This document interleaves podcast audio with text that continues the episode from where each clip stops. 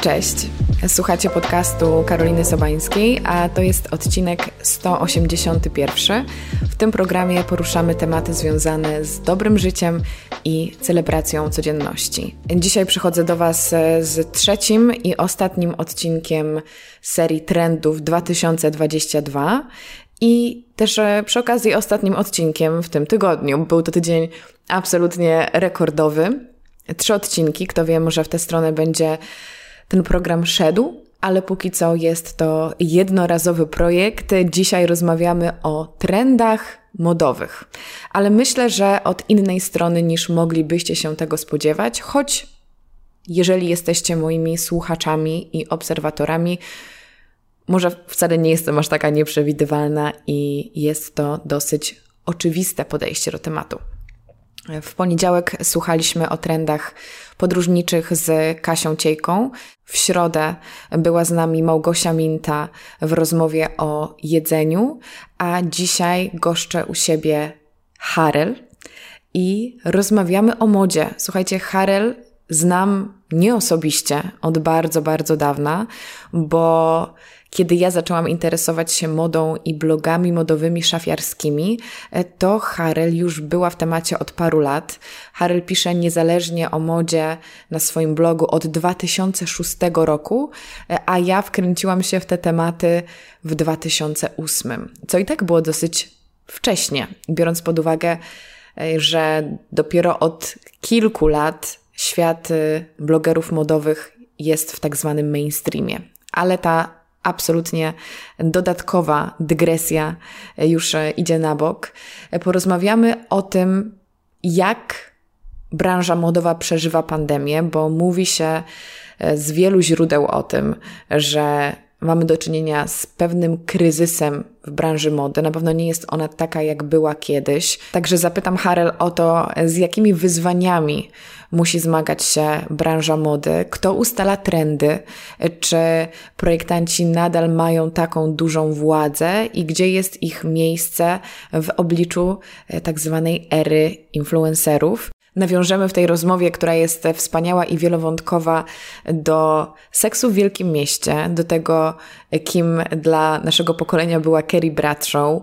E, poruszymy temat rozwijającego się trendu na slow życie, slow modę i rzemiosło w kontrze do nadal prężnie działającego rynku masowego, rynku szybkiej mody. Zapytam Harel o proekologiczne rozwiązania, porozmawiamy trochę o innowacyjnych tkaninach i przy okazji poznamy tendencje i mikrotrendy, bo po to się tutaj spotkaliśmy, ale wydaje mi się, że też już po przeprowadzeniu wszystkich tych rozmów o trendach dochodzę do wniosku, że ten kontekst społeczny, ten kontekst ekonomiczny, nawet i polityczny, a może głównie polityczny, jest bardzo, bardzo istotny, żeby móc w ogóle rozmawiać o tym, co będzie modne, i szkoda byłoby wymieniać mody, tendencje, hypy bez przyjrzenia się temu, co nas tutaj doprowadziło i jakie jest tło tego wszystkiego. Także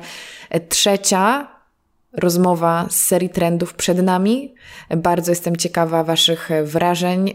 Zanim przejdziemy do części wywiadowej, Dodam tylko, że jak zawsze będzie mi bardzo miło, jeśli znajdziecie chwilę, aby podcast zrecenzować. Jeśli słuchacie na iPhone'ach w aplikacji podcasty, czyli na iTunesie, tam możecie zostawić podcastowi wybraną liczbę gwiazdek i napisać kilka słów opinii. Bardzo, bardzo z góry za to dziękuję. Pomaga mi to trafiać do nowych odbiorców. Na Spotify możecie podcast zaobserwować, a na YouTubie zasubskrybować mój kanał, dać łapkę w górę i napisać komentarz. Choć po wszelkiego rodzaju wymiany poglądów i dyskusje zapraszam Was na mojego Instagrama Karolina Sobańska, bo tam pojawia się dużo wpisów poświęconych tematyce podcastowej i mamy przestrzeń do tego, by rozmawiać i pogłębiać te tematy. Miłego słuchania rozmowy z Harel.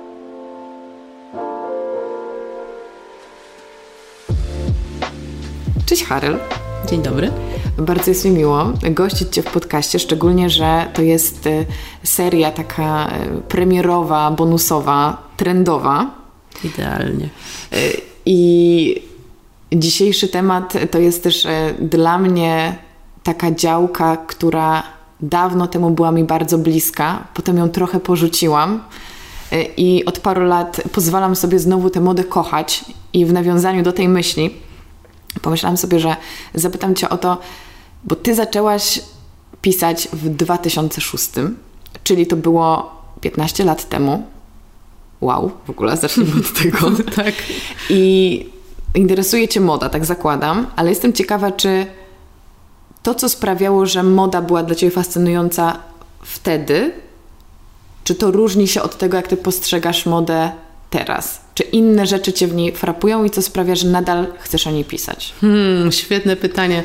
E, wtedy moda mnie fascynowała, można by powiedzieć, tak po prostu. Mhm. Czyli e, cała, e, cała moda, którą widziałam, jakby ze wszystkimi swoimi aspektami, czyli i e, taka właśnie moda z magazynów, e, z filmów, z pokazów, czyli ta moda wysoka, jak to się czasem mhm. jeszcze na nią mówi, ale też fascynowała mnie moda wokół mnie, fascynowało mnie to, w jaki sposób ta moda wokół mnie jest z tych właśnie sesji, magazynów i pokazów przenoszona do naszych szaf.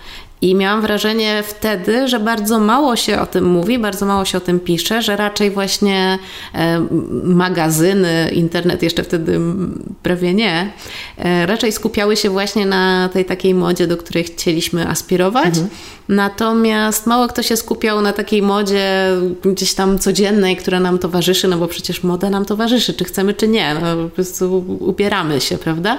I pamiętam, że jedną z takich e, ogromnych inspiracji dla mnie były zdjęcia w zagranicznej prasie, które pojawiały się e, gdzieś tam na końcu. To były zdjęcia dziewczyn, które gdzieś były przyłapane na jakichś zakupach e, przez fotografa, tam nie wiem, z jakiegoś L brytyjskiego czy Woga że po prostu tak wyglądam dzisiaj, czy tak wyglądasz, mogę Ci zrobić zdjęcie do, naszego, do naszej rubryki, mhm. tam jak wyglądają właśnie tak zwane zwykłe kobiety w, zwyk, w, zwykły, w zwykłych sytuacjach.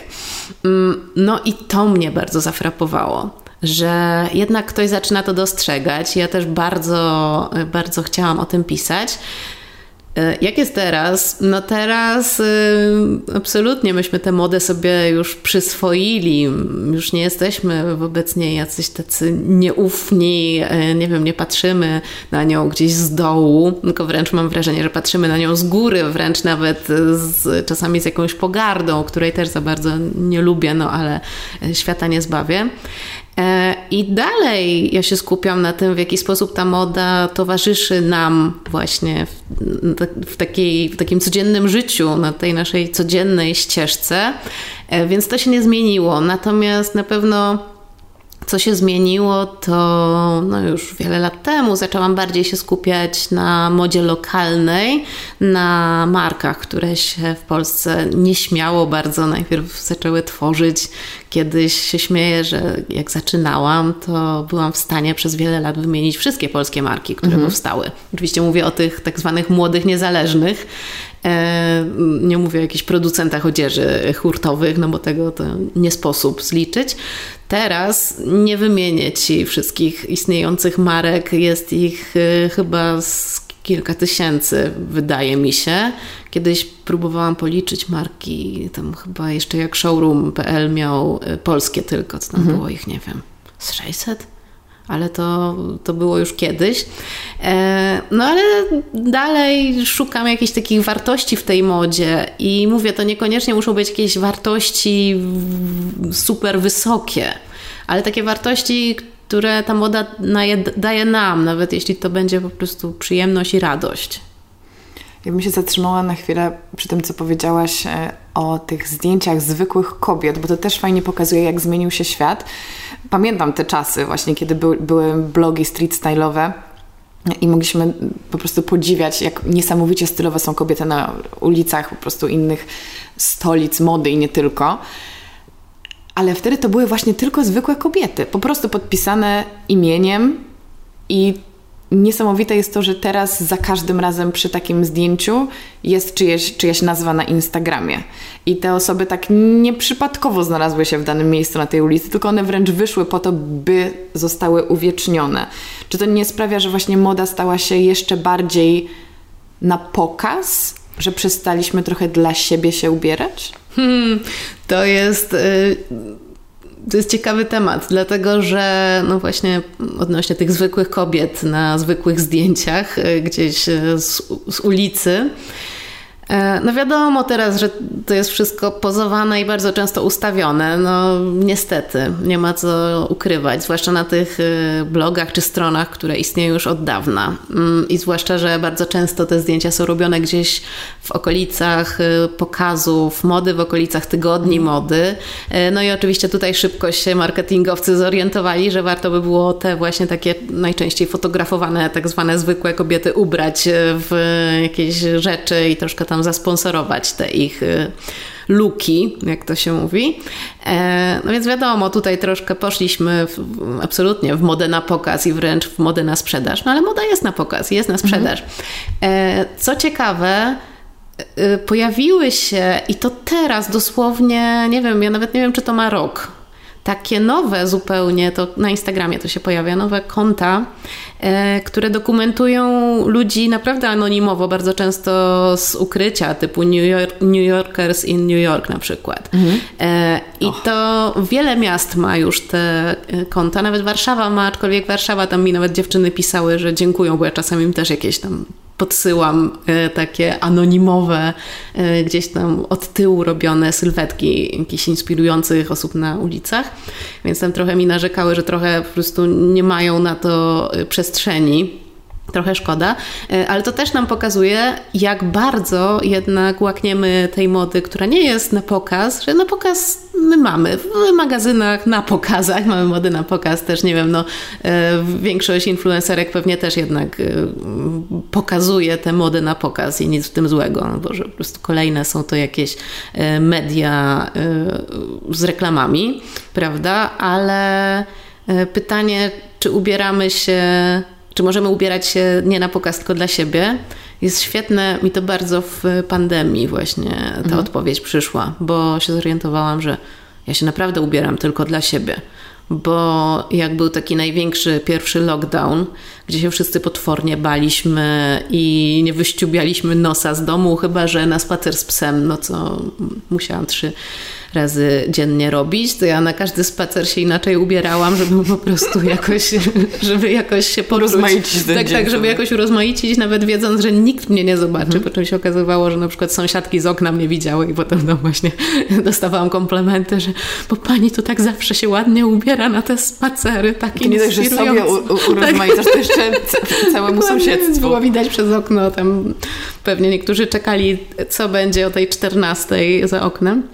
I absolutnie mi to uświadomiło, że ja się ubieram dla siebie.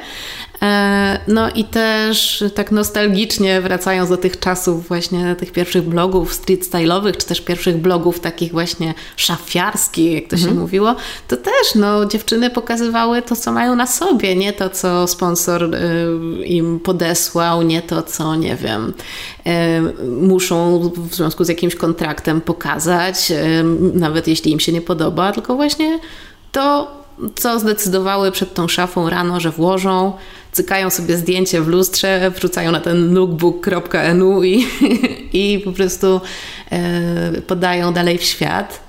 I bardzo, no, to, że był sukces tego, to też pokazuje, jak bardzo jednak potrzebujemy takiej autentyczności. No, że ta autentyczność gdzieś tam się z komercją spotkała mhm. w pewnym momencie, to też jest naturalna kolej rzeczy, ale nie ustaje, nie ustaje ten jednak pęd i taki pociąg do tej autentyczności, co właśnie zauważam w tych nowych, e, nawet już nie blogach, tylko Instagramach właśnie z tych miast, które, nie wiem, też na przykład kopenhaski Instagram z tymi mieszkańcami Kopenhagi gdzieś tam. Ja tak wzdycham w tle, Nowy Jork, Kopenhaga, tak, podróże, prawda? No to y, zobacz sobie tych, y, Jezu, Kopenhażan, ja nawet nie wiem, czy tak się, czy tak się wymawia. Mieszkańców tak Kopenhagi. O, dziękuję bardzo, tak, zawsze, zawsze to jest y, dobre wyjście. Mieszkańców Kopenhagi. E, niesamowicie inspirujące i faktycznie nie masz wrażenia, że e, to jest coś mm, że tam jest jakaś poza, że ci ludzie mhm. po prostu są autentyczni. Zresztą to już tak zdradzę tylko na koniec, że e, takie zdjęcia, które trafiają do serwisów prasowych, na przykład street style'owe. Mhm. Mm, nie mówię, że to jest reguła, ale bardzo często e, ci, ludzie, którzy tam są, oni nie są z przypadku. Bardzo często to jest efekt jakichś wiązanych kontraktów, mhm. czy to mhm. z fotografem, który tak. właśnie e, takie, a nie inne zdjęcia wysyła do agencji e, takiej czy, nie, in, czy innej osoby w takiej czy innej marce to już nie jest tak, że to jest totalny spontan. Trochę mhm. jest spontanu, ale też trochę jest związanych transakcji na zasadzie tutaj na przykład mam jakiegoś fotografa, który wiem, zrobi mi zdjęcie w tym, więc fajnie tutaj mi się sponsor ucieszy, fotograf zarobi, potem to będzie we wszystkich gazetach i potem e, to będzie jakimś trendem, co jest, e, no co też widzimy z jednej strony sztucznie wykreowane, ale z drugiej strony widzimy też, no, jaki jest mechanizm tego. Więc tu są różne takie kruczki, za którymi ja nie przepadam, ale ich nie neguję, bo po prostu no, tak to wygląda i tak moda teraz wygląda. Po prostu takie są nowe media i takie są nowe zwyczaje. Znaczy, raz myślę, że to jest ta kwestia akceptacji, a dwa, super jest tak, jak to właśnie zrobiłaś, edukować społeczeństwo, bo my często nie zdajemy sobie po prostu sprawy, że coś nie jest e, po prostu przypadkiem i pięknym obrazkiem, a czymś całkowicie wyreżyserowanym i zaplanowanym i a nie fajnie jest być chyba oszukiwanym jako konsument, więc mhm. super jest jakby to wiedzieć, ale powiedziałeś, że coś zostanie sfotografowane i stanie się sztucznie wykreowanym trendem, mm -hmm. więc to aż się prosi o pytanie o to w takim razie, jak powstają trendy? Czy to jest jakiś zarząd modowy, który o tym decyduje? Czy to e, powstaje właśnie odgórnie, właśnie w, tym, w tych wysokich sferach? Czy może odwrotnie, to właśnie projektanci inspirują się ulicą wspomnianą? Nie ma takiej prostej odpowiedzi, dlatego że ja to, trochę jest to takie koło, koło, które się napędza, e, bo badacze trendów jeżdżą po całym świecie e, i obserwują właśnie takich ludzi tak zwanych zwyczajnych, mm. jakoś dzisiaj chyba wiele razy to słowo padnie, obserwują I jest też... to komplement. No tak, i jest to komplement, absolutnie. No obserwują nie tylko ludzi ubrania, ale w ogóle wszystko, co się dzieje, wszystkie zjawiska też, y, kultury danych miejsc, e, też, e, nie wiem, nawet folklor, bo to wszystko gdzieś się włącza, kolory, e, też muzykę, filmy. No, na podstawie tego wszystkiego tworzy się pewne jakieś takie tablice inspiracji, można by powiedzieć. Tworzy się z tego bardzo poważne książki, potwornie drogie, z takimi e, prognozami trendów na kolejne sezony. Żeby mieć dostęp do tych prognoz, to po prostu trzeba takim firmom e, badającym trendy płacić gigantyczny abonament, żeby się do tego dostać, ale też gdzieś tam masz rzeczywiście wgląd w to, co ci specjaliści od e, badania trendów i od przewidywania trendów no, oni to nieprzypadkowo wszystko zbierają i jak się tak zbierze ileś tam takich właśnie e, obserwacji z wielu miejsc, to faktycznie gdzieś się krystalizuje ten czy inny trend. Z drugiej strony, oczywiście, wiadomo, że też trendy przyswajamy e, podane już na tacy z wybiegu. Y, też jest tak, że często, nie wiem, projektant czy marka bardzo by chcieli, żeby na przykład coś się przyjęło, ale odbiorca przyjmuje zupełnie coś innego. Mm, teraz jest dosyć łatwo wykreować coś y, sztucznie. Niekoniecznie mówię, że to jest złe ale tak było z marką Bottega Veneta, y, która zupełnie zmieniła swoją estetykę. Y, nagle z takiej tradycyjnej włoskiej marki, z y, historią, z takim rzemieślniczym zacięciem, ale troszkę taką no gdzieś tam podążała za nowoczesnością, ale nie tak do końca. Troszkę była taka e, zakurzona, mm, mimo że wciąż bardzo droga. E, w pewnym momencie, kiedy tam się zmienił dyrektor e, kreatywny, który zresztą teraz odszedł i wszyscy po prostu się zastanawiają, co dalej, on poszedł w zupełnie inną stronę. Przede wszystkim, no to nie, nie tylko on sam, no przede wszystkim, ale cała ekipa tam w marce. E, przede wszystkim e, zupełnie zmienił estetykę, bardzo ją unowocześnił, bardzo też e, uatrakcyjnił i no spojrzał na te, na te, te młodsze troszkę osoby i trochę zachęcił je, żeby konsumowali te tradycje w takim fajnym, mm, unowocześnionym jakby to powiedzieć, unowocześnionej formie e, wprowadził wiele różnych kolorów, w tym no, słynny Bottega Green, już się tak nazywa ten zielony kolor, mhm. który e, nagle wszedł zamiast tego brązu, który zawsze był e, w, bote, w botedze, już tak będę odmieniać, jest teraz zielony. Opakowania są zielone też, no, bardzo dużo przedmiotów jest tam zielonych, zielone torebki, buty, ubrania i tak dalej. Dalej pozostało rzemiosło, dalej pozostała tradycja, ale to jest po prostu tak podane, że E, no, nawet ja mam jakieś takie pokusy, chociaż na szczęście nie mam aż tyle pieniędzy, żeby sobie tak w botedze kupować, nie wiadomo co. Natomiast do czego dążę?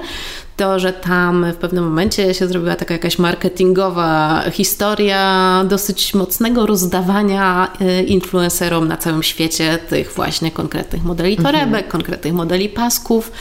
E, I nagle te torebki i te paski i te buty, e, zwłaszcza buty dosyć wątpliwej urody, to muszę przyznać, e, zrobiły się niezwykle modne, na tyle modne, że oczywiście zaraz miały swoje odpowiedniki w sieciówkach. Mhm. I gdyby tak spojrzeć na to bez kontekstu, mm, czyli bez tego, co gdzieś tam na przykład ja wiem, no bo się tym interesuję, no to osoba, która się nie interesuje tym, po prostu powie, te buty są brzydkie.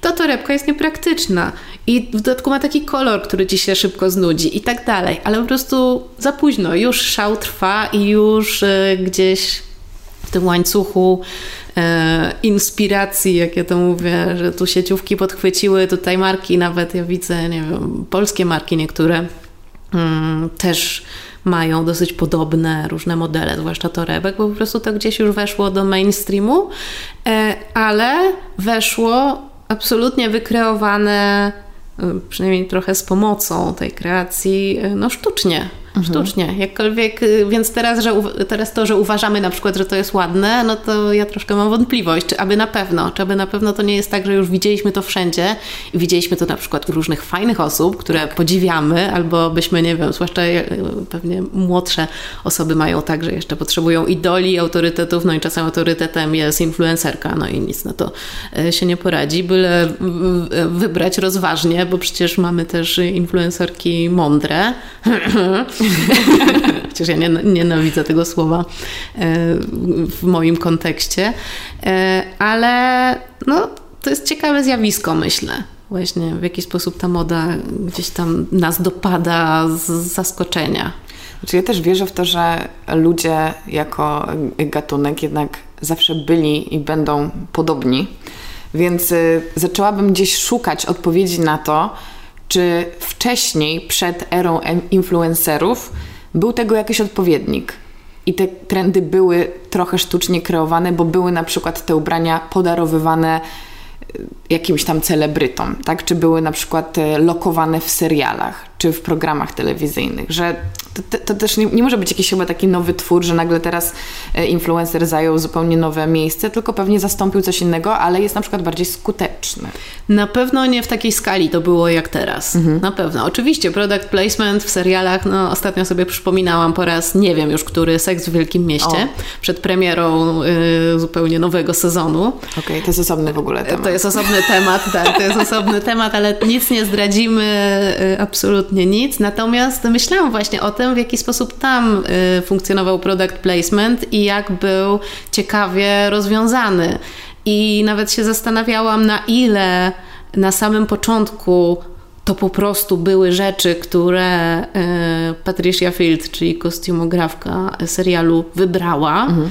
a na ile już to były po prostu jakieś układy z markami, żeby jednak te marki tam po prostu sobie istniały. Zresztą fenomenalny sposób. Ja dalej nie wiem, czy z Hermesem to była, e, to była jakaś e, współpraca marketingowa, czy po prostu była to historia tej torebki Berkin, która tam w pewnym momencie się pojawiła. Tak. Fenomenalne, naprawdę. To genialny, genialny odcinek zresztą. Mm. Ale masz e, informacje na przykład, czy Manolo Blanik i Jimmy Choo to były współprace? ja to kiedyś sprawdzałam i teraz oczywiście moja skleroza. Mm, wydaje mi się, że w pewnym momencie już tak. Mhm ale głowy nie dam. Ale wydaje mi się, że w pewnym momencie to po prostu naturalnie poszło. Tak samo chyba jak Macintosh, e, czyli komputer z jabłuszkiem, na którym Przez zawsze... musiałam się zastanowić, o czym Macintosh, tak. tak, tak, bo ja po prostu Tak, jeszcze jako dobrze, tak dobrze. stare pokolenie używam, tak, używam pierwotnej nazwy, e, na którym Carrie pisała zawsze. No to jabłuszko, podejrzewam, że też to jabłuszko w pewnym momencie już tam jednak e, coś tam, cenę. tak, coś tam płaciło. Chociaż, no nie wiem, bo mówię, nie sprawdzałam tego aż tak mocno, natomiast to, co dzieje się teraz e, przy okazji tego nowego sezonu, no to absolutnie cały serial moim zdaniem jest takim jednym wielkim product placementem, łącznie z tym, że po prostu to, co dziewczyny mają na sobie od e, pół roku przynajmniej e, jest dokumentowane w, w prasie no, internetowej głównie, e, czy na Instagramie są specjalne konta poświęcone w ogóle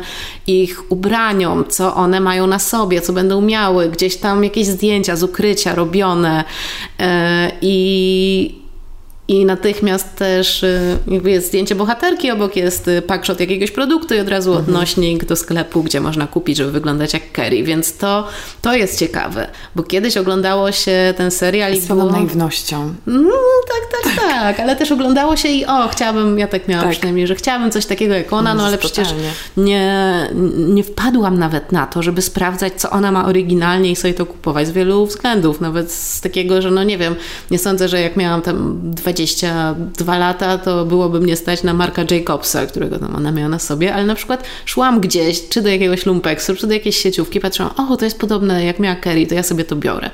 E, I było tak, a teraz jest tak, patrzę na Kerry, o, mogę kliknąć, mogę mieć dokładnie to samo, co ona i nawet to założę pierwsza, bo premiera serialu będzie w grudniu, a ja to sobie już będę miała w lipcu. E, No więc tutaj jest to ciekawe. Natomiast wracając do Twojego pytania, bo ja strasznie się rozgaduję. Mm, Wracając do, proszę, wracając do Twojego pytania o to, y, co było przed influencerkami, kto był. Znaczy wszystkiego, był, wszystkiego było mniej i też y, myślę, że mm, była większa swoboda też na przykład jeśli chodzi o taką kreatywność y, stylistów nawet. Tutaj z całym szacunkiem do tego, co dzieje się teraz, bo to jest y, super i są miejsca i na świecie i w Polsce i takie magazyny i takie sesje powstają, które są absolutnie piękne i nie widać, żeby one były czymkolwiek skrępowane. Ale na przykład y, styliści z kolei się borykają z takimi problemami, że jedna marka nie chce być obok drugiej. Ani na sylwetce, ani nawet na stronie, bo po prostu nie, bo są konkurencją i one nie chcą, albo nie chcą być w tej samej sesji i nagle się robi to wielka łamigłówka, jak ta stylistka czy stylista ma przygotować y, jakąś sylwetkę według swojej y, wizji, żeby nie naruszyć tych wszystkich y, o- obostrzeń, które y, tworzą reklamodawcy, dzięki którym magazyn y, funkcjonuje i tak dalej. No troszkę to upraszczam, ale faktycznie tak jest. E, Kiedyś myślę też nie było, mm, być może nawet nie było aż takiej świadomości, jak bardzo mm, jak bardzo pokazanie danej rzeczy w magazynie będzie działać, że to aż tak będzie sprzedawane. Ja pamiętam takie momenty, kiedy, bo mam taki, mam taki epizod w swoim życiu, który bardzo lubię, bo przez niecały rok pracowałam w sklepie, tak sobie dorabiałam, e, w sklepie pewnej marki polskiej, e, takiej fajnej, niezależnej, ekologicznej w ogóle. I czasem się te rzeczy pokazywały w gazetach. I przychodziła na przykład pani, gdzieś tam przyjeżdżała w ogóle do tej Warszawy, miała wyrwaną z magazynu stronę z Tak. sukienką. I ona przyjechała tę sukienkę kupić. I czy ta sukienka jeszcze jest? I bardzo często się tak zdarzało i sobie myślałam, Boże, i to w dodatku taki magazyn, który nie jest poświęcony modzie, tylko ma tam dwie strony po prostu mm, o jakichś trendach na wiosnę i się znalazł tam jakieś, jakieś jedno zdjęcie się znalazło tej sukienki i pani sobie wyrwała, przyjechała, żeby ją kupić. E, I to był taki moment, w którym odkryłam, że jednak to bardzo mocno działa i myślę, że to w ogóle był moment, w którym to zaczęło bardzo mocno działać. Właśnie takie no coś takiego, że możesz zrobić kup teraz, że kiedyś, kiedyś aż tak tego nie było. E, Teraz po prostu wszystko możesz mieć natychmiast. E, ale jeszcze spróbuję wrócić, jeszcze spróbuję wrócić do Twojego pytania, co było przed influencerami. E, zawsze byli celebryci, zawsze były gwiazdy, były supermodelki od pewnego momentu, e, były te osoby, które podziwialiśmy, ale też nie, nie mieliśmy ich na co dzień, nie mieliśmy wglądu w ich życie, nie mieliśmy możliwości oglądania, jak wyglądają na co dzień, bo po prostu oni gdzieś byli schowani bardziej, mieli trochę jednak więcej prywatności. Więc też e, myślę, że e, czekaj, urwał mi, się, urwał mi się wątek, a chciałam coś bardzo mądrego powiedzieć, ale mi się urwał właśnie wątek e, odnośnie tego. Mówiłaś, że celebryci tak, nie zastąpili Tak, tak, tak, że, znaczy, że influencerzy nie zastąpili tak, celebrytów. Dokładnie ale że też może nie było takiej potrzeby. Myśmy bardziej się może inspirowali kiedyś tym, żeby e, jakiś pomysł e, zaczerpnąć niż konkretne rzeczy, żeby po prostu z nich zdjąć i sobie kupić dokładnie mhm. takie same. Bardziej tak jak, nie wiem, sobie myślę na przykład o Jackie Kennedy, która absolutnie była idolką i która była taką, no można, można powiedzieć w pewnym sensie influencerką ze swoimi e, strojami, z tym słynnym różowym też, nieszczęsny mhm. ten kostium, wprawdzie potworna historia mu towarzyszy. Natomiast e, no też bardziej pewnie kobiety chciały pójść do krawcowej albo i sobie to otworzyć, niż wiedzieć skąd dokładnie był ten żakiecik, co to był za toczek i co to były za buty, że ja teraz chcę dokładnie to samo.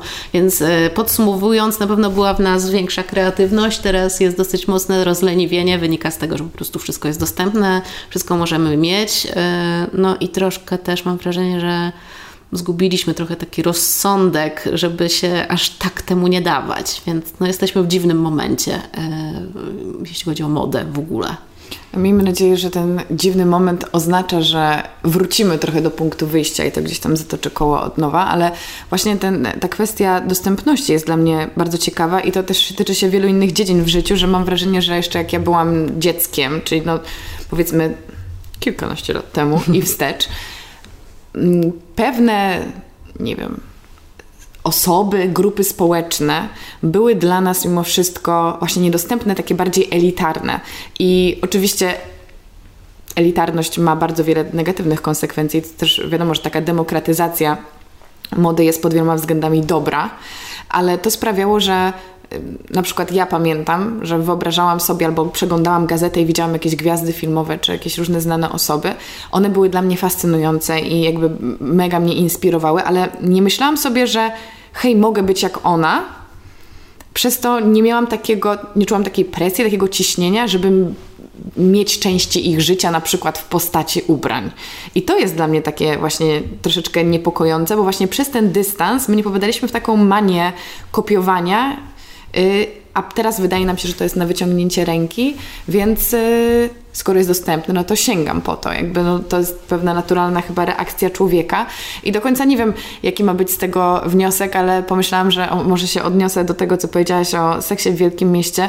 To jest absolutnie jakaś taka moja prywatna y, obserwacja, bez żadnych spoilerów ale można się tego też domyśleć, czytając w internecie różne recenzje. Sądzę, że to, co zaproponowali twórcy w tym nowym sezonie, jakby no absolutnie jest zupełnie na innym poziomie niż ten serial, który pamiętamy sprzed iluś tam lat. I śmiem wręcz wątpić, czy te bohaterki nadal będą jako odbierane jako ikony stylu, bo za tym, że chcemy być jak Kerry, szła też cała historia, jej postać i, i, i to, że chcieli, chcieliśmy po prostu mieć jej życie. A teraz, kiedy oglądamy ten serial i nie do końca możemy się utożsamić z bohaterkami, bo po prostu mówmy się, jest beznadziejny. to nie wiem, czy ta miłość i ta sympatia do tej starej Kerry Mirandy, czy y, Samanty, etc nadal zostanie z nami po to, że będziemy chcieli być jak one, że trochę straciły też ten właśnie swój taki um, autorytet może też w związku z tym w modzie. To jest, to jest ciekawe. Ja cały czas dajesz serialowi szansę i czekam na wszystkie. Jest, dzisiaj, dzisiaj jest, trzeci, jest trzeci odcinek. Tak, ja czekam na wszystkie odcinki, żeby się wypowiedzieć, bo no faktycznie te pierwsze dwa sobie pomyślałam, nic nie zdradzając, że e, troszkę miałam nadzieję na formę, która będzie podobna mhm, e, tych tak, odcinków. Czyli tak. każdy jednak ma jakiś motyw przewodni i wszystkie bohaterki gdzieś tam ten motyw w swoim życiu y, odnajdują i on jest tak ładnie spięty tym takim taką felietonową narracją Kerry. E, no niestety tutaj tego nie ma, ale nic więcej nie zdradzę. Natomiast też sobie myślałam, że one są już teraz, bo ja miałam, dosyć to było zabawne, bo w pewnym momencie włączyłam sobie ten serial, Kerry miała 35 urodziny ja sobie myślę, jejku, ja już jestem od niej starsza. Kiedyś ona była ode mnie starsza, o wiele była ode mnie starsza, tam nie wiem, prawie o 15 lat. Teraz e, już, e, no ja jestem jej starszą koleżanką, jestem starsza od Samanty pewnie nawet. E, natomiast teraz znowu wróciły dziewczyny i dziewczyny mają po 55 lat, więc znowu jestem od nich młodsza. E, no i sobie myślę, może czegoś nie rozumiem jeszcze, może nie wiem jak to jest. Może też te ich stroje, oprócz tego, że są wielkim product placementem, może też mają wyrażać jaką, jakąś ich tęsknotę za tym, co było i pewne niepogodzenie się z upływem czasu. Zresztą to też tam nawet y, o ile w tym całym rozczarowaniu, takim w pierwszym odruchu, które miałam, jak sobie obejrzałam y, pierwszy odcinek, gdzieś się pojawiły takie jednak y, iskierki nadziei, że być może gdzieś będzie poruszony taki fajny wątek właśnie tego przemijania, mhm. e, tych zmian. Zresztą tutaj się nie rozczarowałam, bo tutaj faktycznie to jest i myślę, że to zostanie pociągnięte dalej. E, więc y, dla nas być może nie są idolkami, ale być może jak oglądają serial na przykład y, starsze kobiety od nas, znaczy od nas, ty to w ogóle jesteś młodziutka. Ja właśnie tutaj y, Dobrze. poza nagraniem tak mówiłam, że tak, ja w twoim wieku jeszcze bloga nie miałam. A to już proszę bardzo.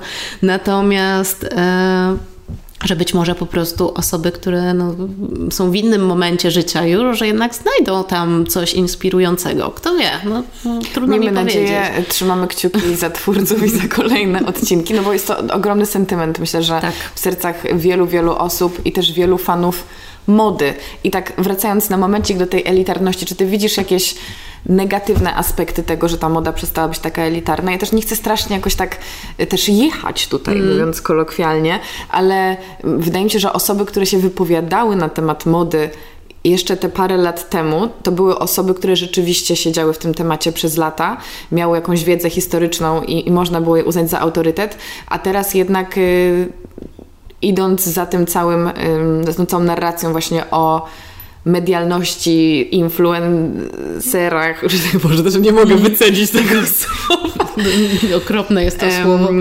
Trochę nam się to wszystko tak spłyciło mm. i ta moda przestała może nieść jakąś taką wiadomość za sobą. Mm. Znaczy ona niesie, no to jest, to jest dalej, natomiast na pewno jest w ogóle kryzys autorytetów. Y, też myślę dlatego, że teraz bardzo teoretycznie każdy takim autorytetem może zostać i bardzo często nie sprawdzamy na przykład kompetencji osoby, która y, na Instagramie sobie możesz wszystko napisać tak. na przykład. Możesz sobie napisać, że... Odmienię twoje życie. Tak, tak, odmienię twoje życie albo, że jestem właśnie tutaj specjalistą od tego a tego, mm, że jestem, nie wiem, coachem, bo to tak zauważam, że po mhm. prostu bez żadnego przygotowania e, bardzo dużo się pojawia właśnie tak. różnych e, coachów i różnych specjalistów. Tak samo jest z modą. Nagle specjalistów od mody też się e, pojawiło bardzo dużo i wystarczy, że nie wiem, wrzucą parę jakichś zdjęć, podpiszą parę jakichś zdań. Zresztą zdjęć bardzo często bez, użytych bez pozwolenia, o, bo to też osobny jest temat. To tak. jest osobny Pamiętajmy, temat. żeby podpisywać chociaż źródło. Jeśli już bierzemy sobie zdjęcie bez pozwolenia, to podpisujmy źródło, a potem módlmy się, żeby nas nie oskarżono o tego wykorzystanie właśnie nielegalne.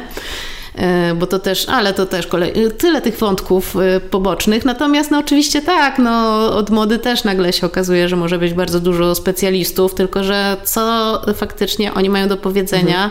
Mhm. No zdarzają się tacy, którzy mają, ale zdarzają się tacy, którzy absolutnie nie mają nic, a wręcz na przykład są szkodliwi, dlatego że powielają różne jakieś takie schematy i jakieś takie stereotypowe historie, o których powinniśmy zapomnieć wraz z końcem lat 90., typu, że na przykład, nie wiem, coś ci skraca nogi, a coś ci wydłuża. Każda kobieta w swojej szafie powinna mieć. Oczywiście, każda kobieta w swojej szafie powinna mieć, tak, jeśli optycznie chcesz wyszczuplić talię, to tak, to załóż dekolt V na plecach, tak, prawda, jakieś, no nie wiem, tutaj wymyśliłam, to może to działa, ale nie wiem. Y, w każdym razie, y, no dużo, dużo teraz jest niestety takiej y, to są pozorne wartości, ale jak sprawdzisz, gdzieś głębiej, to się okazuje, że nic za tym już nie ma. Dlatego ja też mówię, że warto sprawdzać po prostu, zanim uznamy kogoś za kompetentnego, za swój autorytet, zanim mu zaufamy, sprawdźmy po prostu, czy faktycznie y, warto bo może po prostu nie warto. I tak samo ja na przykład mam, ja obserwuję różne influencerki, młodsze, starsze, jakieś fajniejsze, jakieś może mniej fajne, albo nie wiem, mniej może e, no, okrutna będę, ale może nawet mniej lotne. I to nie mówię tylko o polskich, ale w ogóle o całym świecie.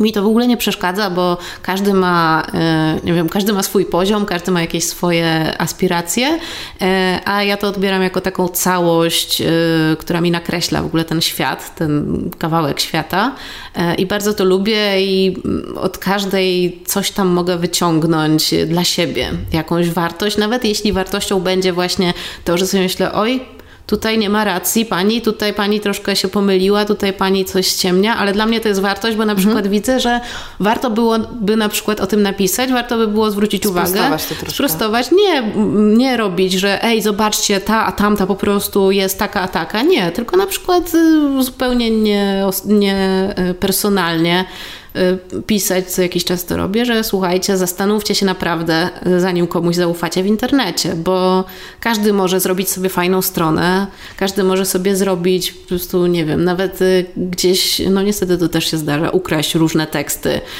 innym specjalistom i stworzyć. Nie mieści się to w głowie, szczerze. No, a to się dzieje. To się dzieje niestety dosyć, dosyć powszechnie. Mój blog kiedyś cały był w ogóle skopiowany przez, okay. jakiegoś, przez jakiegoś człowieka, który nawet wręcz do mnie napisał, że co ja sądzę o jego blogu. A ja patrzę, a to jest moje wszystko. Więc napisałam, co sądzę, że, tak, tak, że, fanta, że fantastyczny blog, bardzo mi się podoba, tylko że źle autor podpisany. E, I już się nie odezwał, a blog zniknął.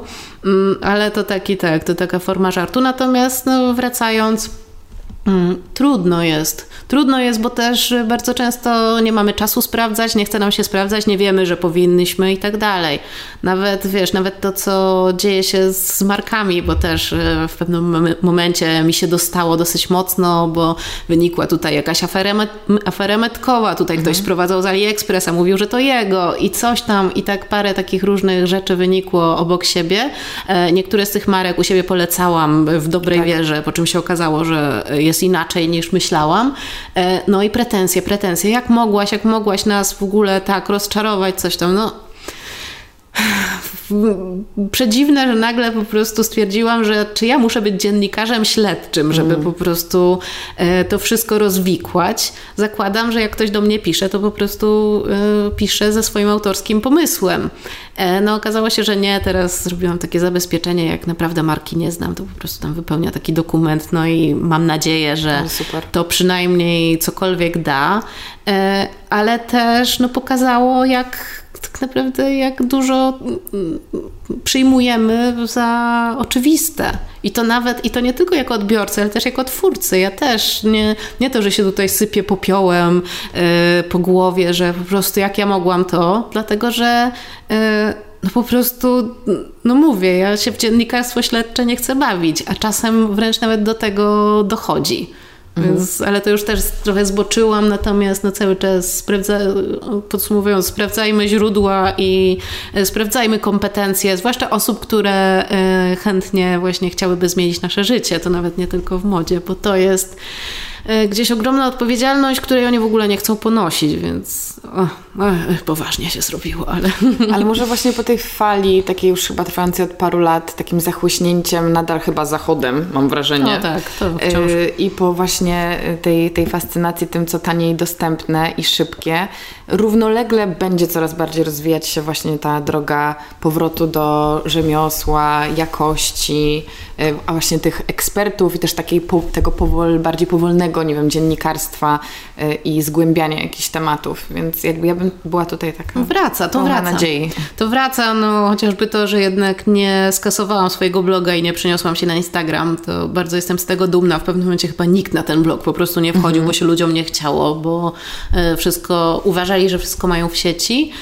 E, wracają blogi, wiele osób wraca z blogami. E, tak, to co mówisz o rzemiośle i o takiej fascynacji, to też wraca, bo przyszło nowe pokolenie, które, dla którego to nie jest jedyny, jedyna opcja. To mhm. nie jest jedyna opcja, że ja po prostu kupię koszyk z, wik z wikliny w sklepie, który jest tutaj, bo po prostu nic więcej nie ma, tylko to jest opcja pod tytułem o jak super, to jest polskie, to jest lokalne, tak, to ja to cool chcę wesprzeć, to. to jest cool, to w ogóle tutaj mogę być jak e, Jane Birkin z tym koszyczkiem e, w Paryżu, a to jest koszyczek, który jest z naszej polskiej wikliny i w ogóle super na przykład. Czy teraz wracają e, dywany, kilimy, tkanie takie tradycyjne mm, czy no oczywiście cała lokalność i tak dalej, więc to oczywiście wraca i to bardzo mnie cieszy.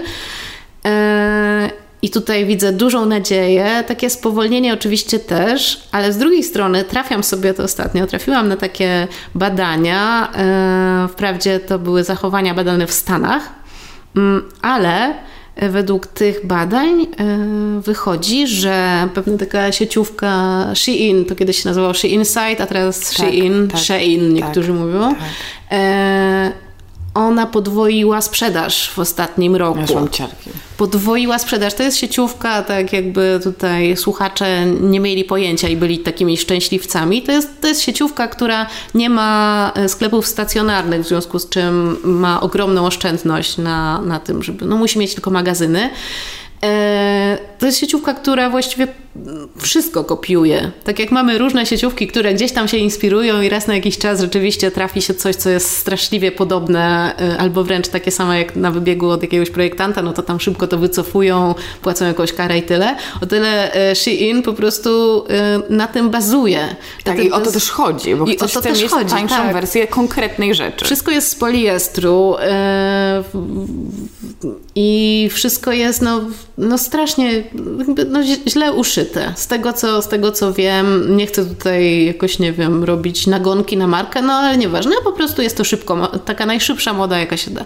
I nagle e, w tym czasie, kiedy właśnie mówimy o tych wartościach, kiedy wracamy do lokalności, też siłą rzeczy przez pandemię bardzo mocno ta lokalność nam się otworzyła, mm, i to jest, nie chcę mówić o plusach pandemii, ale gdzieś to jest jakaś taka, jakieś takie dobre zjawisko, które być może przyspieszyło przez nią. E, to nagle dostajemy trochę po głowie takimi e, danymi, e, których byśmy nie chcieli za bardzo w 2021 roku czytać. Znaczy wracamy na ziemię po prostu, bo myślę, że mhm. właśnie tak jak rozmawialiśmy przed nagraniem w bańce tak. lokalności i, i świadomego, kon, świadomej konsumpcji, nagle nam się przypomina, że bardzo duża część społeczeństwa nadal kupuje coraz więcej. Oczywiście. I chce kupować coraz więcej i dalej jednak jest w tej właśnie takiej narracji, czy w takim przyzwyczajeniu, że nowy sezon, nowa ja. E, więc też ja w pewnym momencie wymyśliłam taki hashtag masz to w szafie, żeby, o, e, żeby korzystać z szafy, tak. bo sama marząc o pewnym płaszczu Ganni, e, po prostu nagle znalazłam płaszcz Michała Szulca, który w ogóle jest niesamowitym projektantem. Ja żałuję, że teraz troszkę tak odszedł od tego, już nie pokazuje takich regularnych kolekcji, bo on miał taką intuicję i pokazywał takie rzeczy, które dopiero potem gdzieś tam wiele lat później się pojawiły w wielkiej modzie, a on już to robił. Właśnie taki płaszcz znalazłam i sobie myślę, Boże, to ja chciałam po prostu, znaczy, no może nie chciałam tych dwóch tysięcy wydać na płaszcz, ale no marzył mi się, a ja go miałam w szafie. jeszcze fajniejszy, lepszy i mniej osób go ma i w ogóle, więc e, stwierdziłam, że na pewno nie jestem sama w tym bo y, gdzieś myślę w tej fascynacji po, no po czasie tra transformacji też może po, w nowym milenium myślę, że to się zaczęło wraz z sieciówkami, które tak mocno do Polski weszły. E, myśmy się wszyscy bardzo zachłysnęli tym, tą dostępnością wszystkiego tą prędkością i to było dla nas super. Ja też nie ukrywam, że ja jestem jakaś super eko i tak w ogóle. Nie, nie, ja też się tym absolutnie zachłysnęłam. Bardzo dużo kupowałam, bardzo się z tego cieszyłam, e, po czym w ogóle nie wiedziałam, co mam w szafie. Mhm. E, nie znałam tego i zawsze wspominam, chyba w każdej rozmowie, e, że pamiętam za to, co miała moja mama w szafie w latach 80. Albo nawet co ja miałam w szafie w latach 80. Każde ubranie miało znaczenie, każde ubranie było skądś, było. Mm, nie wiem, kojarzyło się dobrze, albo się kojarzyło źle, to się tego nie nosiło, ale e, miało wartość po prostu, po prostu. Tak, miało swoją wartość. I w pewnym momencie, ponieważ, no nie wiem, płacisz 19 zł za t-shirt, no to jaka to jest wartość? On po trzech praniach jeszcze się skręca i w ogóle nie można nic już z nim zrobić i bez sensu go nosić. E, no i jaką on ma wartość? Masz takich t-shirtów 15, mm, no trochę bez sensu. I nagle sobie pomyślisz 15 razy 19, nie wiem ile to jest, ale myślę, że spokojnie można by było jakiś jeden porządny t-shirt po prostu kupić, który nam się nie skręci, który nam y, starczy na dłużej. No i tak zaczęłam przeliczać też czasem, jak ktoś mi pisze, że mnie na to nie stać. Ja mówię, okej, okay, rozumiem, bo różne mamy zarobki i też no wiadomo, że teraz jest taki moment bardzo trudny, jeśli chodzi w ogóle o, o, o świat i o finanse, e, ale okej, okay, to spróbuj. Po prostu ja sobie na przykład na wymarzoną torebkę e, założyłam świnkę skarbonkę. Wiele lat do tej świnki sobie wrzucałam po prostu. Wiele lat, e, no i kupiłam sobie wymarzoną torebkę z tej świnki skarbonki. Ja nie mówię, że no nie wiem, to, to, nie chcę brzmieć, że nie macie chleba, jedzcie ciastka, no nie, bo to nie o to chodzi, tylko właśnie wyjdźmy z tego y, takiego zaklętego kręgu trochę kupowania właśnie, bo musisz to mieć, bo jest nowy rok, bo jest nowa okazja, bo jest Sylwester, to sobie coś kup. Okej, okay. jest Sylwester, to może sobie coś kup, bo jest coś z cekinami i fajnie wygląda, ale jeśli to sobie kupisz, to pomyśl sobie, ile jeszcze y, będzie okazji, żeby to założyć, to dbaj o to, dbaj o te cekiny, nie wiem, odkurzaj i sam po prostu jakoś przyszywaj jak odpadną, mm, a nie, y, nie uznawaj, że po jednym razie, kiedy już wszyscy Cię w tej sukience widzieli, to tak. jest y, obciach się w niej pokazać drugi raz. To też wina troszkę tutaj niestety y, blogerek, influencerek, które w pewnym momencie się pokazywały cały czas w czymś innym, zwłaszcza myślę na, młodsze, na młodszych osobach robiło to takie wrażenie, że ja cały czas do tej szkoły w tym samym chodzę, a ta czy tamta po prostu ma już tam którąś torebkę Chanel, a ja przede wszystkim nigdy nie będę miała torebki Chanel, a poza tym cały czas jestem w tej jednej bluzie, bo nie mam innej e, i to, co jest, coś ze mną jest nie tak. W ogóle nie było takiej myśli, myślę zwłaszcza u młodszych, że to coś nie jest z nimi nie tak, tylko coś jest tak. po prostu z tym światem komercyjnym nie tak i że do tego trzeba mieć jakiś dystans, a nie, że ty nosisz tę samą bluzę do szkoły ja chodziłam w tej samej bluzie z przez całe liceum i przez Troll. połowę studiów. Boże, pamiętam. Troll, no. Miałam czarną, welurową bluzę z. Do połowy studiów, bo mi się na łokciach przetarła po prostu w dziury.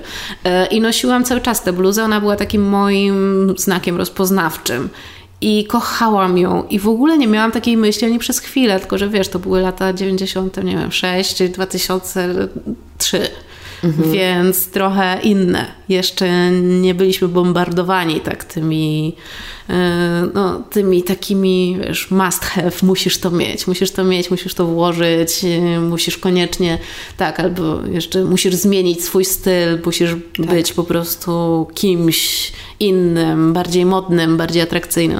Długo by mówić. Ja zawsze lubię sobie pomyśleć w takiej chwili, kiedy wahamy się, czy założyć drugi raz tę samą sukienkę, że jest duża szansa, że nikt nie zauważy, że mamy tę samą sukienkę, o, tak. bo każdy jest zbyt skupiony na sobie tak, i na tak. tym, jak sam wygląda i jaki jest zestresowany, jak inni to odbiorą. Absolutnie I to, i to dla mnie jest tak. tak uwalniające, że nikogo nie obchodzi, co masz na sobie. Na Absolutnie tak. No chyba, że chyba, że y, pokażesz się na Instagramie w tej samej rzeczy tak. i nagle po prostu odbiorcy, a to już było, a to już było, bo też no trochę błędne koło, ale w pewnym momencie też tak było, że blogerki się w czymś pokazywały pokazywały i wręcz było, była pretensja, że dlaczego tak nudno, że dlaczego mm. znowu to samo, więc e, no to ja Nie mówię, dogodzisz wszystkim. Tak, oczywiście. Ale bardzo chciałabym Cię zapytać o takie zjawisko, już tak e, ten temat influencerski po prostu wyczerpując, choć pewnie się nie da, że mm, ja słyszałam o tym na początku pierwszego lockdownu, że jest właśnie wielki kryzys influencerów, blogerek modowych, nazwijmy to, czy mhm. influencerek modowych, że nagle osoby, które w kółko pokazywały się w strojach po prostu ekstrawaganckich, designerskich, eventowych, zostały zamknięte w domu i cała ich działalność trochę nie ma sensu, bo nikogo nie obchodzi to, kiedy każdy po prostu chce mieć wygodny dres. I jakby, czy wyszliśmy z tego kryzysu, czy to ma jakieś jeszcze swoje pokłosie teraz? Mm, znaczy była panika i był rozdźwięk, bo były osoby, które absolutnie nie poruszały tematu lockdownu i udawały, że nic się nie dzieje. I nawet nie mówię, że udawały i gdzieś tam jeździły na wakacje, tylko po prostu dalej... Green screen. Tak, tak, tak green screen, dokładnie. No podobno bywały też takie sytuacje, to nawet zabawne.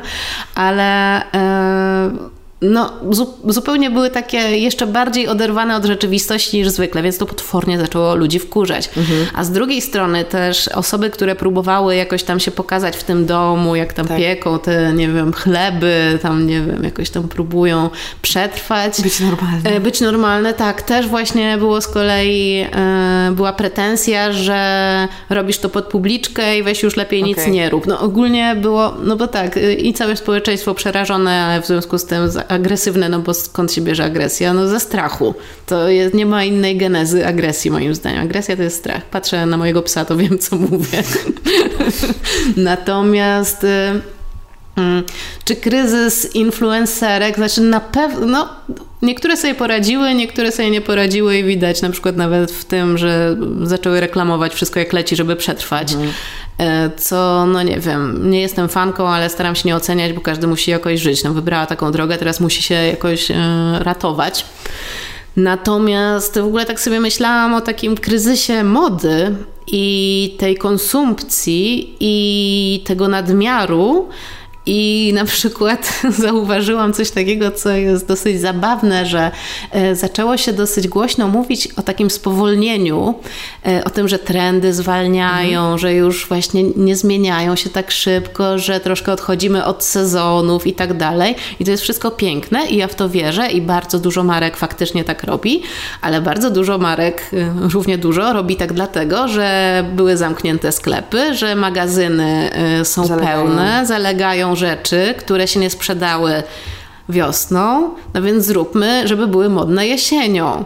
E, a z kolei jesienią znowu było zamknięcie, no to przenieśmy je na kolejny rok, więc spowolnienie trendów to dla mnie nie jest tylko taka super świadoma rzecz, że teraz kupujemy mniej i bardziej się skupiamy jednak na tej planecie, tylko spowolnienie trendów też moim zdaniem bardzo mocno wynikło z tego, że po prostu e, były sklepy zamknięte i teraz trzeba jakoś ten towar obchnąć, wiesz, no wolę obchnąć niż żeby był palony, no nie? Tak, tak, tak, już lepiej niech wmawiają, że to jest modne nadal. Dokładnie, dokładnie tak, więc y, i wiesz co, ja nawet, nawet mi się podoba to spowolnienie trendów, nawet w tej wersji właśnie takiej e, szybkiej mody, w tym sensie, że e, dobrze, że im zależy, żeby to sprzedać. Bardzo dobrze, no mówię, lepiej, żeby to sprzedać, niż żeby to gdzieś wylądowało na jakimś śmietniku, czy właśnie na jakimś tam, nie wiem, gdzieś było palone, czy zakopywane. E, ale zabawne, jak też trochę uwierzylimy w to, że to jest takie, mm, wys takie wysokie, oderwane od rzeczywistości, w tym sensie, że, y, że to takie wysokie pobudki. No to mhm. trochę jednak praktyczne pobudki. Po prostu spowalniamy te trendy i, y, i faktycznie to się dzieje. I też znowu, ja się trochę podśmiewam, ale też no, to jest reakcja, to musi być reakcja, bo moda jest biznesem i, i nie, ma, nie ma od tego ucieczki. Trzeba było po prostu, nie wiem, co by się musiało stać, E, żeby na przykład szybka moda zniknęła, którą zresztą jak gdzieś tam dalej mam jeszcze do niej jakiś sentyment e, i dalej jeszcze na przykład e, zdarza mi się kupować w sieciówkach, tylko wiem, że jak coś idę kupić w sieciówce, to ja chcę, żeby mi to służyło, więc się nauczyłam rozpoznawać jakość, więc się nauczyłam tam zaglądać na lewą stronę i no, żeby wiedzieć, co tam mam w tej szafie i tak dalej. Więc oczywiście tak się podśmiewam, ale tutaj, no Boże, no biznes to jest biznes. Więc raczej to. E, wydaje mi się, że tam poradzili sobie ci influencerzy. No. Kto sobie miał poradzić, ten sobie poradził. E, bardziej mnie gdzieś tam martwiło, no nie wiem, niepokoiło może takie coś, co obserwowałam, taki, w ogóle, takie wypalenie bardzo wielu twórców. Bardzo mhm. wielu twórców, którzy po prostu E, nagle zaczęli znikać, nagle zaczęli zawieszać te konta, albo zamykać, albo nie wiem, gdzieś jakieś e, przerażające dosyć e, wiadomości do czytelników zostawiać, że teraz mnie nie będzie przez jakiś czas, muszę sobie wszystko na nowo poukładać. I to znowu, już odchodząc od takiej właśnie marketingowo-influencerskiej sytuacji, no to trochę też nam może przypomniało, że mamy do czynienia z ludźmi, że to nie są twory jakieś marketingowe tylko i wyłącznie, tylko że to też są ludzie i też może e, to, że też się mówi właśnie o takim kryzysie swoim, czy gdzieś potrzebuje się czasu, czy potrzebuje się wyciszenia i daje się o tym znać, e, że to też trochę, no nie wiem, może znów zbliża nas do tych osób, które trochę wydaje się pewnie odbiorcom, że mają prawo czegoś żądać, mają prawo wymagać, mają prawo nagle, yy, nie wiem, poznać prawdę, jak ktoś tam zniknął e, i zostawił wszystkich po prostu z niczym, to przynajmniej napisz, co się stało, bo nie po to my klikamy w Twoje zdjęcia, żebyś Ty teraz zniknęła i nam tego nie wyjaśniła, wiesz, coś takiego. Mhm. Więc myślę, że w ogóle e, bardziej niż kryzys samych influencerów mamy. Mm, nie, nie kryzys, ale taką ewolucję e, naszych naszej takiej... Naszych wyborów, kogo obserwujemy. Tak, też wyborów, ale też właśnie takich, takich naszych relacji z tymi mhm. influencerami też.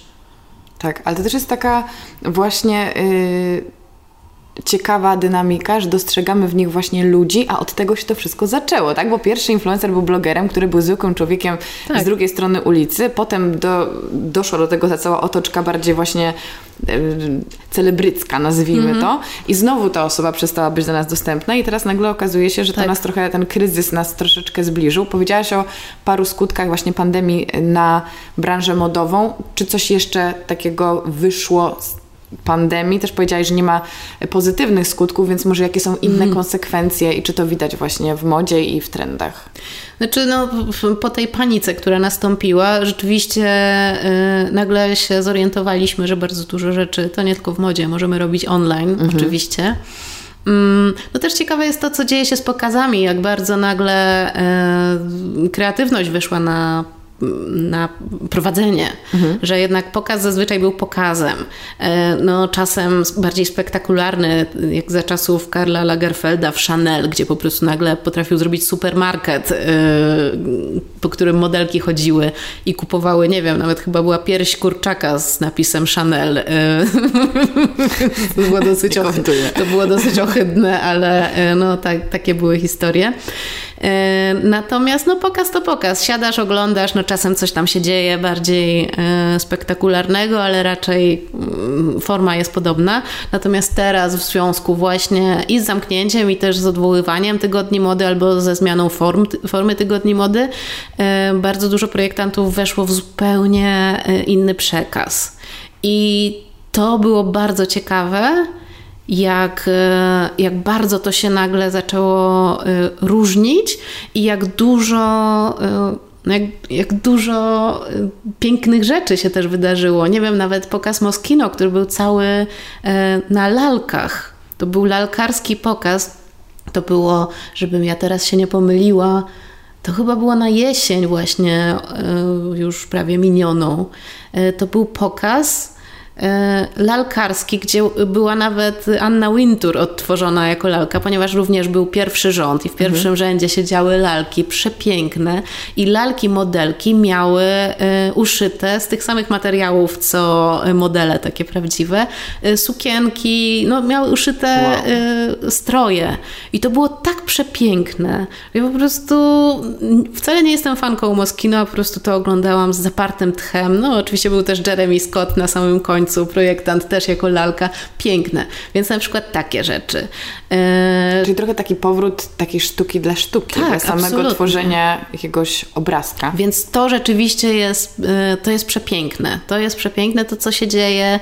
E, też ciekawe, to już bardziej w sesjach. Zauważyłam w kilku różnych magazynach.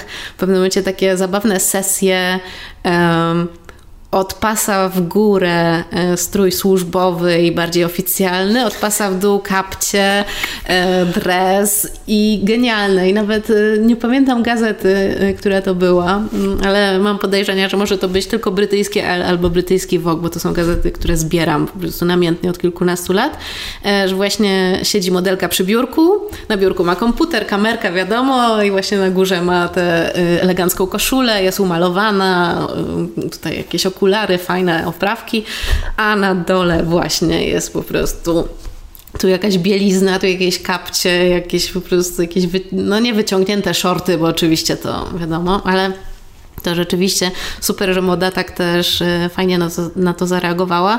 No zakrywanie twarzy, jakieś maski, jakieś e, konstrukcje e, na twarz zakrywające usta, to mnie przeraża akurat. Mimo, że jestem z tych osób, które noszą maseczkę, ale jej nie lubią, ale noszą. To mnie przeraża, bo to gdzieś tam trochę miałam tak, że to jednak utwierdza mnie w tym, że to wszystko się dzieje naprawdę i że to wszystko jednak jest i gdzieś jesteśmy w takim dziwnym czasie. No z drugiej strony jest to reakcja jak e, na wszystko inne, bo moda jednak reaguje, nie może nie reagować, nie, nie wolno jej wręcz teraz e, pozostawać obojętną. E, więc to takie ciekawostki z tymi maseczkami. Maseczka nagle, wiesz, nie wiem, maseczka Louis Vuitton, też takie rzeczy się pojawiają, więc nagle e, tak jeszcze wracają do tej elitarności, tak, kto ma lepszą maseczkę, tak teraz. Okay. Zawsze się znajdzie sposób. Dokładnie, zawsze się znajdzie sposób. No oczywiście tutaj tak bardziej żartuję, ale e, no też, też gdzieś tam z jakiegoś powodu się one pojawiły. Mm, tak, ale no, sama jestem ciekawa. Na pewno właśnie jest przyspieszenie e, w tej modzie pewnych takich e, historii pod tytułem bardziej docenienie lokalności, e, bardziej rozglądania się wokół siebie, nawet z tego względu, że nie wiem, dostawy różnych rzeczy, nawet różnych półproduktów były w pewnym momencie niemożliwe, były wstrzymane. I no nie wiem, nawet żeby znaleźć po prostu jakiegoś producenta, który nam wyprodukuje to, co zazwyczaj produkowaliśmy w Chinach. Co za tym idzie, oczywiście lokalnie, to znaczy drożej, mhm. więc za chwilę podejrzewam e, te ceny jeszcze będą wzrastać, no jeśli oczywiście zostaniemy przy tym trybie lokalnym.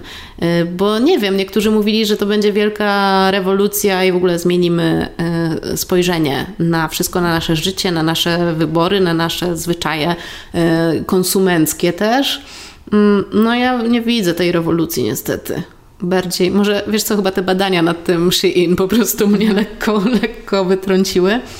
E, ale na pewno coś się, na pewno coś się zmieniło, na pewno też gdzieś więcej jakiejś jest takiej emocji, trochę może ostrożności też y, w modzie, takiej może nawet czułości bym powiedziała jakiegoś takiego. Ona już nie jest taka wyniosła jak mhm. kiedyś. Już nie może być. Nie może być, nie mogła być może ze względu na to, że pojawiły się blogi, więc już nagle się stały konkurencją dla tych takich zupełnie oderwanych od rzeczywistości e, mediów.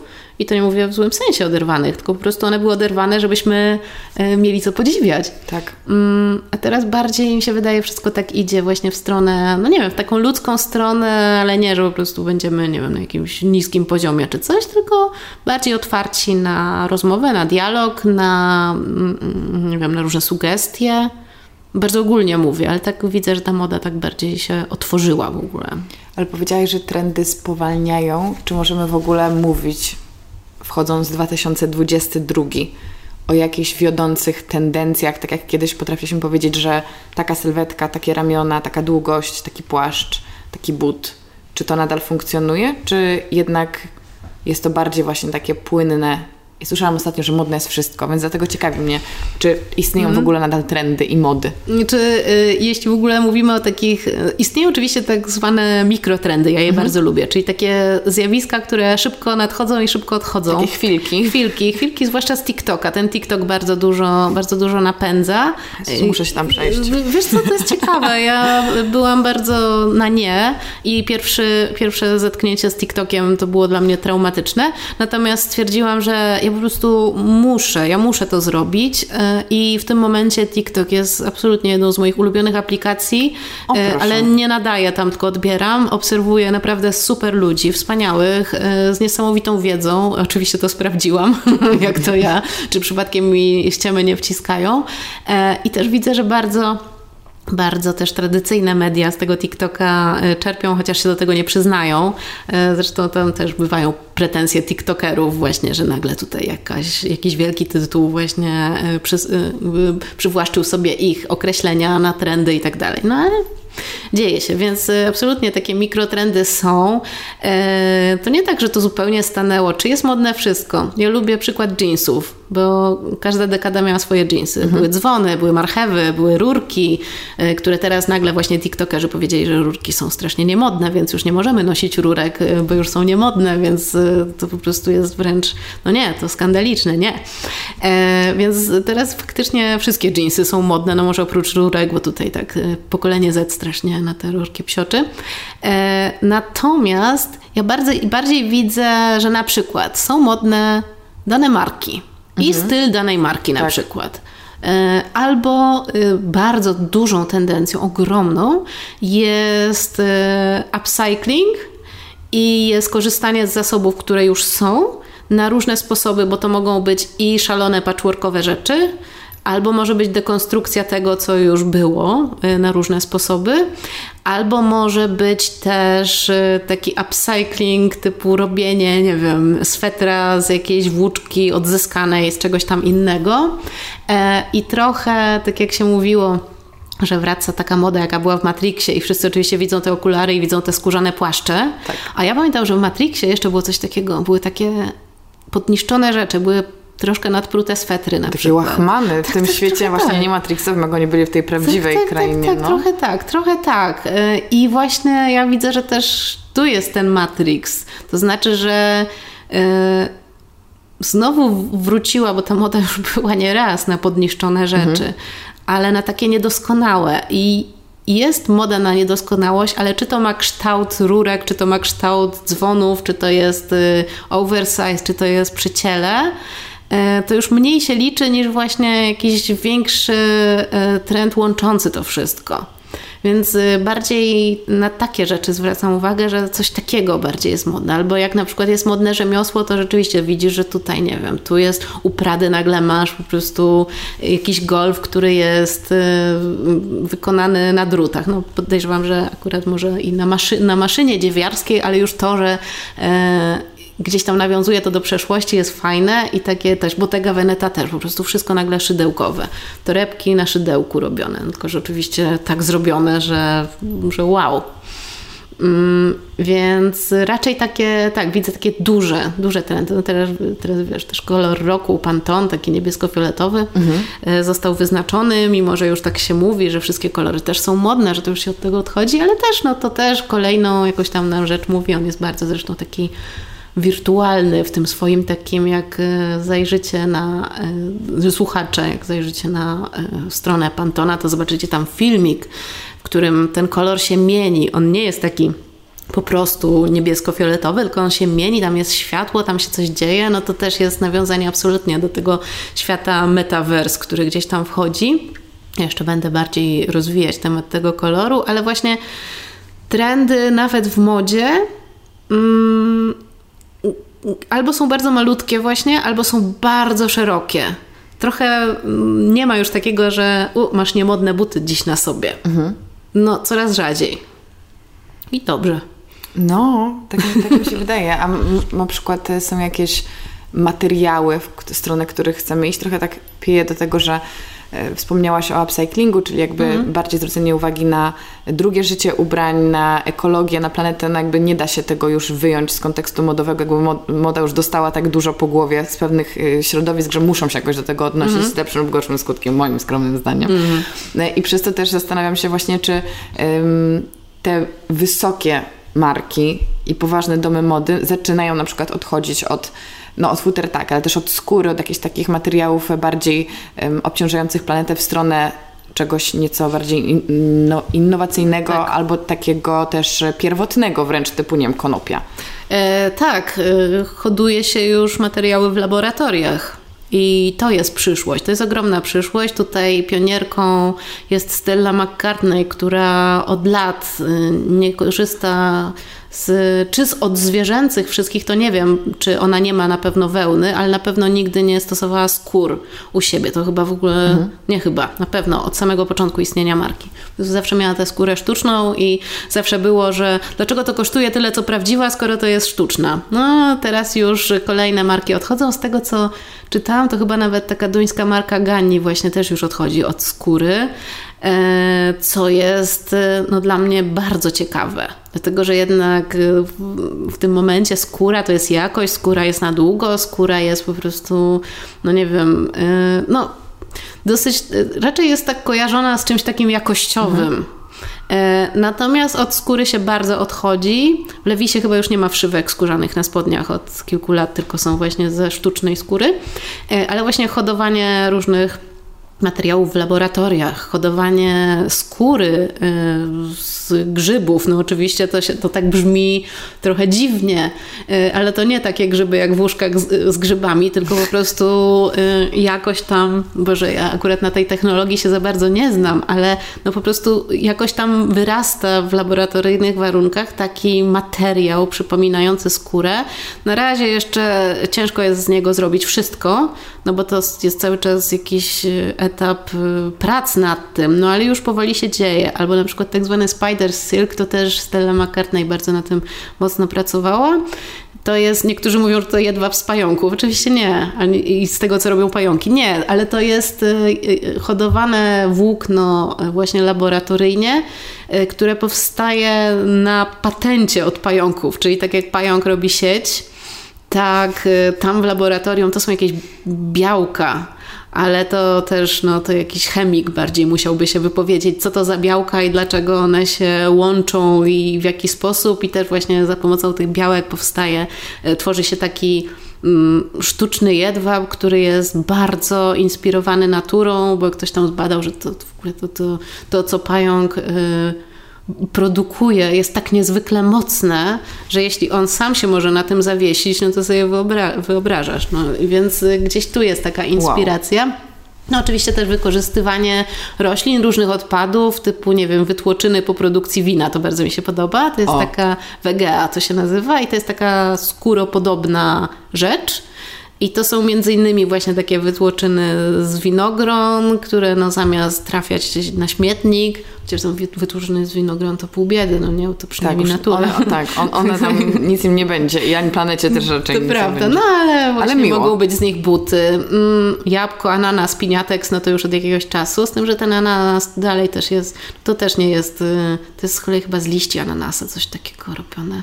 E, więc y, absolutnie natura i inspiracja naturą nawet bardziej, bo nagle też sobie myślę, jak wszystko zaczniemy robić z ananasa, to zaraz ananasy nam tak. wyginą, tak samo jak kokosy, nie wiem, wszystko teraz tym mlekiem kokosowym, mhm. olejem kokosowym też jest już problem. Tak, tak. To w ogóle problem człowieka, że się no, uczepimy jakiejś jednej no, rzeczy niestety. i nagle powstają restauracje, wszystko jest z awokado w nich. No, no na przykład. się, co poszło nie tak tutaj. No, więc właśnie, więc tutaj to hodowanie w laboratoriach y, daje jakąś nadzieję jednak na tworzenie surowców, które nie będą obciążać nikogo i niczego.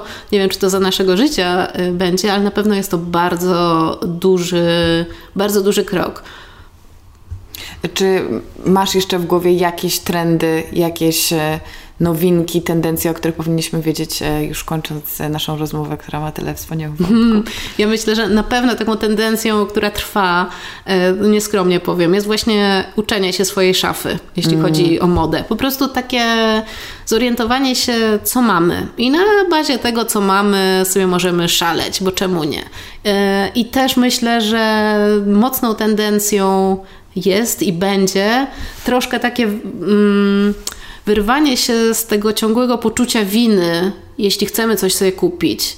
To znaczy, żeby y, nie biczować się za to, tylko żeby wybierać mądrze i żeby wybierać mądrze dla siebie i nawet mówię, bez względu na to, czy to będzie coś vintage, czy, czy to będzie coś super luksusowego, czy to będzie coś z szybkiej mody. Y, nie martwić się tym, że Boże, znowu coś zrobiłam nie tak, o ile to nie będzie dwa razy dziennie, no nie? Tylko prostu wtedy, kiedy faktycznie czegoś potrzebujemy, a potrzeba może być dyktowana czy brakiem w szafie, na przykład, bo nam się coś zużyło, ale też na przykład nawet tym Sylwestrem, tak. o którym dzisiaj mówię, bo, bo chcemy, bo dlaczego nie? Tylko e, rozważnie to zróbmy. Po prostu zróbmy to w ten sposób, żeby y, korzystać z tego, nawet jeśli to będą po prostu pawie pióra czy cekiny. Więc to tyle. Ja myślę, że Życie sztuczne pawie pióra. No, no, oczywiście, no najlepiej tak, tak sztuczne, wyhodowane w laboratorium, tak z pająków. Dokładnie. Więc takie, takie krótkie trendy na przyszłość, z taką nadzieją.